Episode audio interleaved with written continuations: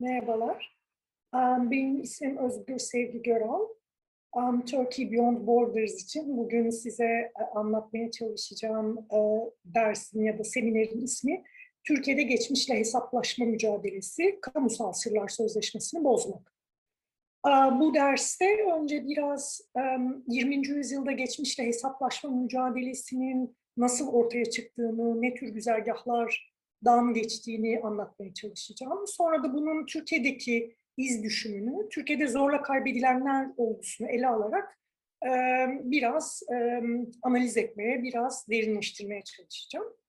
Bunu yaparken de e, hem doktora tezimdeki saha araştırmasından, hem doktora sonrası araştırma projemden, hem de hafıza merkezinde, e, kurucusu olduğum hafıza merkezinde yaptığımız çalışmaların e, verilerini birlikte kullanacağım. Şimdi bu Türkiye'de geçmişle hesaplaşma mücadelesi, kamusal sırlar sözleşmesini bozmak e, başlığı için önce biraz genel olarak geçmişle hesaplaşma mücadelesi derken neyi kastediyorum? E, ne tür bir e, sürece e, referans veriyorum? Bu bu geçmişle hesaplaşma mücadelesi dediğimiz ya da hafıza sahası dediğimiz e, sahanın oluşumu, temel kavramları, tartışmaları ve belirli bir dönemselleştirmesi yapılabilir mi 20. yüzyıl üzerinden? Birazcık bundan söz etmeye çalışacağım. Şimdi 20. yüzyılın uzun bir e, şiddet tarihi var. E, dünya savaşları, Birinci Dünya Savaşı, İkinci Dünya Savaşı topyekün e, savaşlar bunlar ve e, ikisi de e, kimi kitle katliamları, kimi soykırımlarla birlikte e, tezahür ediyor. E, aynı zamanda yani çok daha öncesinden gelen ama 20. yüzyılda da devam eden sömürgelerdeki e, şiddet biçimleri e, ve aynı zamanda dekolonizasyon, sömürgelerin son bulması, bağımsızlıklarını kazanması döneminde özellikle artan e, sömürgecilik karşıtı mücadeleyle paralel bir biçimde artan sömürgeci şiddet ve özellikle de e, hafıza sahası ya da geçmişin işlenme biçimleri diye bir meseleden konuşacaksak, geçmişle hesaplaşma biçimleri diye bir meseleden konuşacaksak da özellikle İkinci Dünya Savaşı ve e, Holocaust, soykırım sonrasının özgül tarihsel bağlamından söz etmek gerekiyor biraz. E, neden söz etmek gerekiyor? Şüphesiz Holocaust 20. yüzyılın ilk soykırımı değil. Yani bugünkü Namibya'da Almanya'nın gerçekleştirdiği Herero ve Nama soykırımı, Osmanlı İmparatorluğu'nun Ermeni nüfusu, Ermeni Süryani nüfusu ve başka bir takım gayrimüslim nüfusları üzerinde de uygulanan Ermeni soykırımı e, e, 1915'teki gibi öncesinde de bir takım e, soykırımlardan söz edebiliriz. Ancak Holocaust, e, İkinci Dünya Savaşı'nda Alman faşizminin öncülüğünde diyelim gerçekleştirilen bu imha etme biçimi sonrasındaki soğuk savaş konsensüsünün e, politik ikliminin zorladığı bir e, geçmişle hesaplaşma e, meselesi nedeniyle 20. yüzyılda geçmişle hesaplaşma ya da e, geçmişe bakma, geçmişin farklı işlenme biçimlerini düşünme, hafıza sahası üzerine düşünme deyince en önemli örneklerden biri olarak, en önemli tarihsel ve politik momentlerden biri olarak karşımızda duruyor. Şimdi Birinci Dünya Savaşı sonrası, Ermeni soykırımı sonrası da kimi askeri yargılama mekanizmaları olmakla birlikte 20. yüzyılın e, belki de e, en önemli diyelim geçmişte hesaplaşma babındaki askeri yargılamaları İkinci Dünya Savaşı'ndan sonra ve esasen Nazi suç örgütünü yargılamak üzere e, yapılıyor. Nürnberg Uluslararası Askeri Ceza Mahkemesi 1945'te İkinci Dünya Savaşı'nın hemen sonrasında galip devletler tarafından Amerika Birleşik Devletleri, Birleşik Krallık, Fransa ve Sovyet Sosyalist Cumhuriyetler Birliği'nin e, taraf olduğu Nürnberg şehrinde e, yapılan yargılamalar bunlar. Nazi liderleri yargılanıyor ve esas olarak suçlamalar dört noktada toplanıyor. Birincisi bugünkü literatürde artık pek duymaya alışkın olmadığımız bir suç barışa karşı suç, uluslararası sözleşme ve anlaşmaları çiğneyerek saldırı savaşı başlatma ve yürütme suçu. Ee, Sovyet Sosyalist Cumhuriyetler Birliği'nin ısrarıyla, politik ısrarıyla e, giriyor. Sonrasında zaten çok duymayacağız aslında bu kavramı. Ee, 20. yüzyıldaki kimi savaş karşıtı hareketlerin politik olarak kullanmasına rağmen uluslararası hukuk aleminde e, çok diğerleri kadar yaygın duymayacağımız bir suç. İkinci e, suçlama noktası insanlığa karşı suç, suç, sürgün, imha, soykırım gibi sonrasında da çok kullanılan uluslararası hukukta bir kavram. Üçüncü suç türü savaş suçları dediğimiz savaş hukukunu çiğneme. 1949 yılında imzalanacak Cenevre Konvansiyonu'nda temel kavramlarından biri olacak bir kavram savaş suçu. Bunu çiğnemekle e, suçlanıyor Nazi liderleri. Dördüncü noktada ilk üç noktada işlenen suçların yani barışa karşı suçun, insanlığa karşı suçun ve savaş suçlarının ortak bir plan ve komplo süreciyle gerçekleştirilmesi. Bu dört noktanın birleştiği kişiler Nürnberg Askeri Ceza Mahkemesi'nde Nazi e, liderleri yargılanıyorlar. Şimdi bu yargılama elbette bir yandan çok önemli bir e, alan açıyor ama öte yandan çok da eleştirilen bir yargılama. Bir kere askeri bir yargılama. Tanıkların çok fazla ön planda olduğu bir yargılama biçimi değil, daha çok tırnak içinde galiplerin, kazananların hukuku diyeceğimiz bir hızlı yargılama süreci. Ama buna rağmen geçmişle hesaplaşmanın, çok büyük bir şiddetin, soykırımın yaşandığı bir dönemle hesaplaşmanın kimi özgür yargılama da dahil kimi özgür mekanizmalar gerektirdiğini ileri sürmesi bakımından çok çok önemli. Üzerinde yürütülen tartışmalar ve yapılan eleştiriler de dahil olmak üzere önemli bir süreç. Biz aslında Nürnberg yargılamasının bir e, ileri aşamasını diyelim. 1961'de e, Eichmann yargılamasında, Adolf Eichmann'ın e, yargılanmasında göreceğiz. E, Kudüs'te yargılanan Nazi savaş suçlularından biri Adolf Eichmann. Bu, bu yargılama pek çok açıdan yine eleştirilse de yani hukuki zeminin ne kadar sağlam olduğu, sanık haklarının ne kadar korunduğu vesaire gibi çeşitli teknik hukuki açılardan e, eleştirilse de tarihçiler açısından çok önemli bir yargılama olduğu kabul ediliyor. Çünkü yeni bir tanıklık rejiminin tarih sahnesine çıkması, yeni bir tanıklık rejiminin zuhur etmesi e, olarak gördüğü, görülen bir yargılama 1961 Adolf Eichmann yargılaması.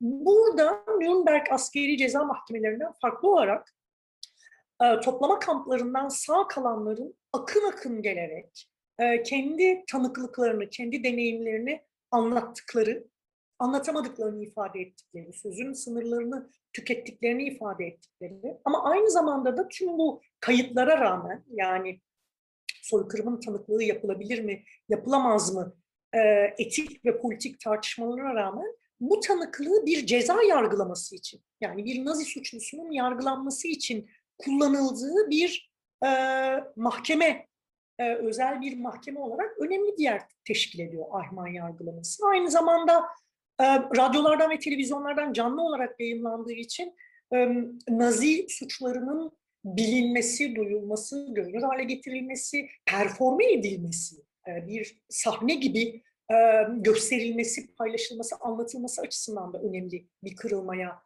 e, denk düşüyor 61 Adolf Eichmann yargılaması. Ve aslında yani soykırım sonrasında özellikle Primo Levi gibi, Jean Amery gibi savaştan ve soykırımdan sağ kurtulmuş kimi komünist, hümanist, e, Yahudi e, yazarların e, tanıklıklarında ifade etmeye çalıştığı bir e, kırık dökük, aslında gerçek anlamda dehşeti hiçbir zaman yansıtamayacağı bilinen ama buna rağmen etik bir görev olarak ifade edilen tanıklık meselesinin bir suçlu yargılamak için de e, çok belirgin bir şekilde tarih sahnesine çıktığı bir yargılama. Dolayısıyla yeni bir tanıklık rejiminin ortaya çıkması anlamına geliyor. Şimdi bu çabalara rağmen yani özellikle ceza yargılamaları ve suçluları yakalamak yönünde güçlü bir irade olduğunun e, defalarca üst üste ifade edilmesine rağmen aslında 68 öğrenci hareketi, 68 radikal sokak eylemlilikleri ortaya çıkana kadar e, Almanya'da dahil olmak üzere İkinci Dünya Savaşı'nın suçlarıyla hesaplaşmak, İkinci Dünya Savaşı'nın oluşturduğu muazzam dehşetle hesaplaşmak aslında çok sınırlı kalıyor. Yani İkinci Dünya Savaşı sonrasının özgür dünyasının e, yöneticilerine, iş dünyası liderlerine, politikacılarına, hakimlerine, hatta generallerine bakarsak, subaylarına bakarsak pek çok Nazi artığının aslında Soğuk Savaş dünyasının siyasi konsensüsünde kendisine kolaylıkla yer bulabildiğini görüyoruz. Çünkü Soğuk Savaş dünyasının politik konsensüsü aynı zamanda antikomünizm gerektiren bir e, konsensüs. Hür dünyanın kendisini antikomünizm üzerine var ettiği bir konsensus. Antikomünizm konusunda da Nazi artığı, Nazi işbirlikçisi ya da eski Nazi kadrolar büyük bir ataklıkla kendilerini yeni e, rejime adapte edebiliyorlar. Dolayısıyla aslına bakarsak 1968'de 68 hareketleri çok e, radikal bir politik manzumeler bütününün içine Almanya'nın ya da içinde bulundukları farklı ülkelerin internasyonel bir hareket. Çünkü 68 hareketleri biliyorsunuz Almanya'da, İtalya'da pek çok ülkede eş zamanlı bir şekilde ortaya çıkıyor. Hem Avrupa'da hem Avrupa dışında.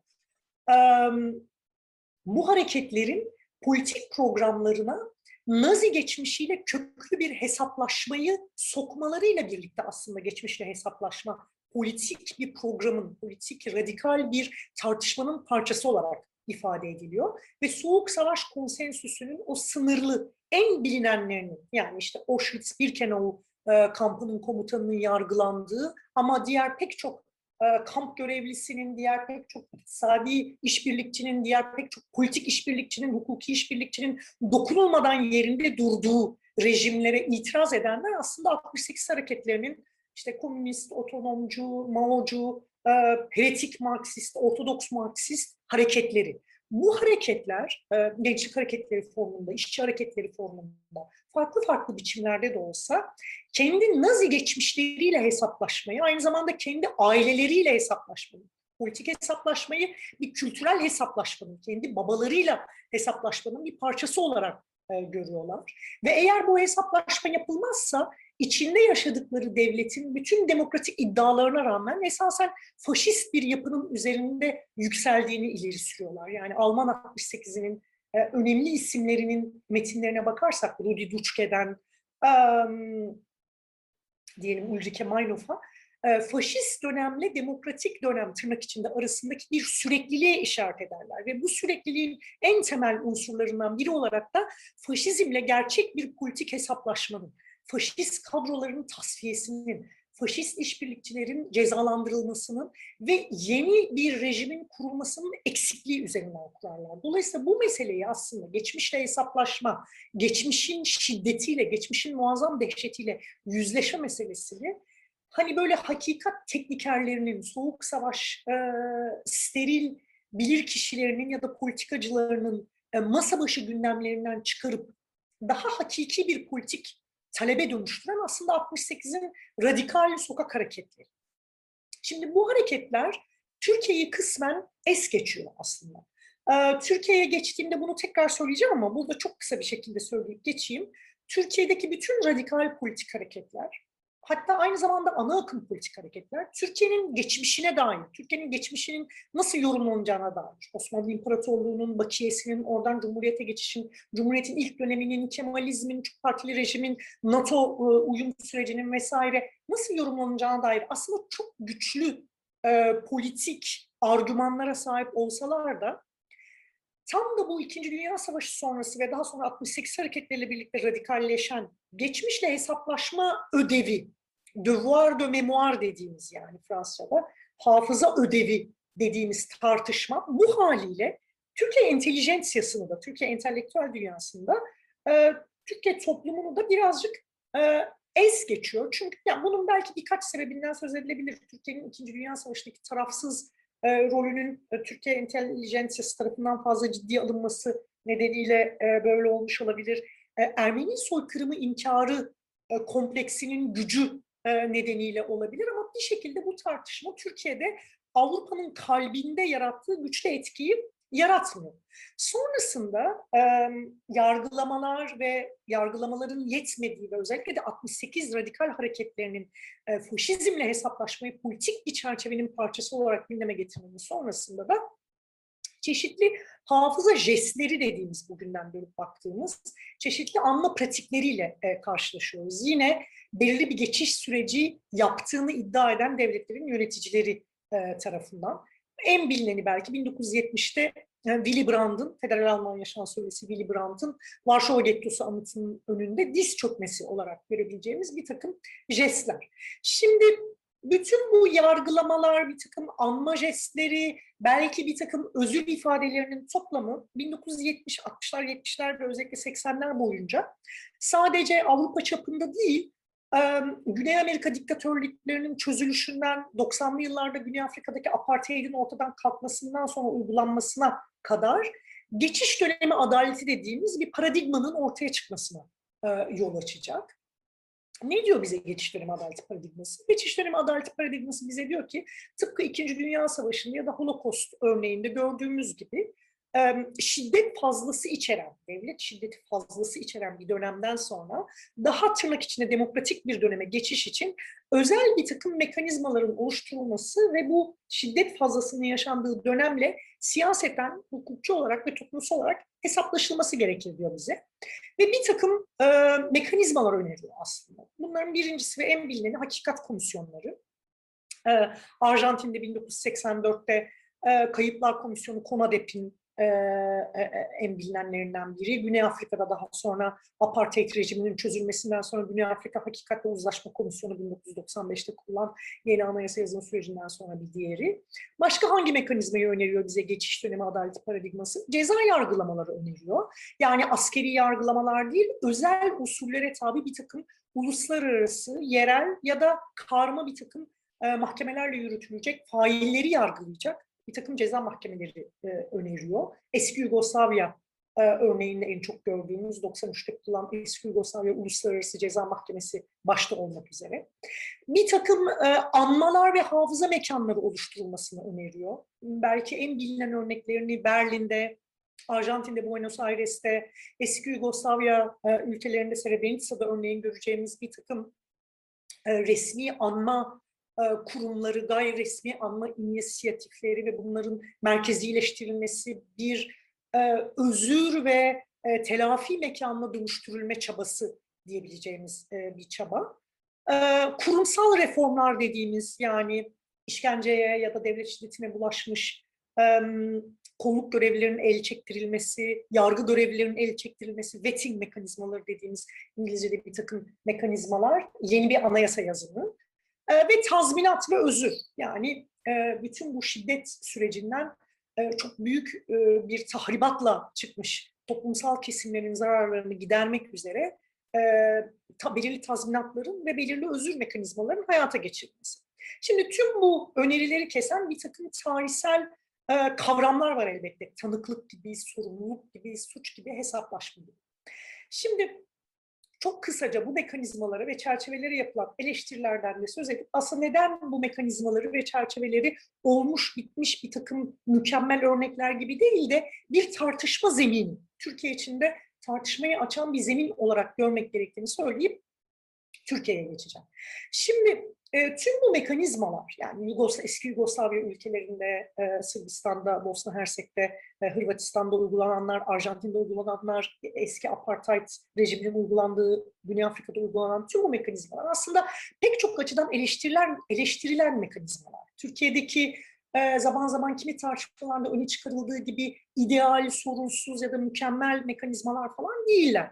Yani çatışmanın e, gerçek tarihsel sebeplerine bakmamakla, yaşanan şiddetin e, kolektif gruplara karşı işlendiğini unutturmakla, bu yaşanan şiddetin çok yapısal kökenlerine inmemekle, e, şiddetin tamamını bireysel bir insan hakları hikayesine indirgemekle, e, toplumsal cinsiyet temelli bir bakışın eksikliğiyle, örneğin patriarkal şiddet gibi, örneğin sermayenin ve sermaye gruplarının katılımı gibi, Örneğin kapitalizmin gündelik olağan şiddeti gibi farklı şiddet biçimlerini e, devlet şiddetinden fazla ayrıştırmakla, fazla yalıtmakla ve belki de en önemlilerinden biri olarak Avrupa dışında yaşanan ve sömürgecilik kaynaklı şiddetle Avrupa içinde faşizm kaynaklı yaşanan şiddetin yarattığı etkiyi birlikte düşünmemekle e, eleştirilen bir paradigma, geçiş dönemi paradigması. Yani örneğin sömürgeciliğin Avrupa için yarattığı bumerang etkisini,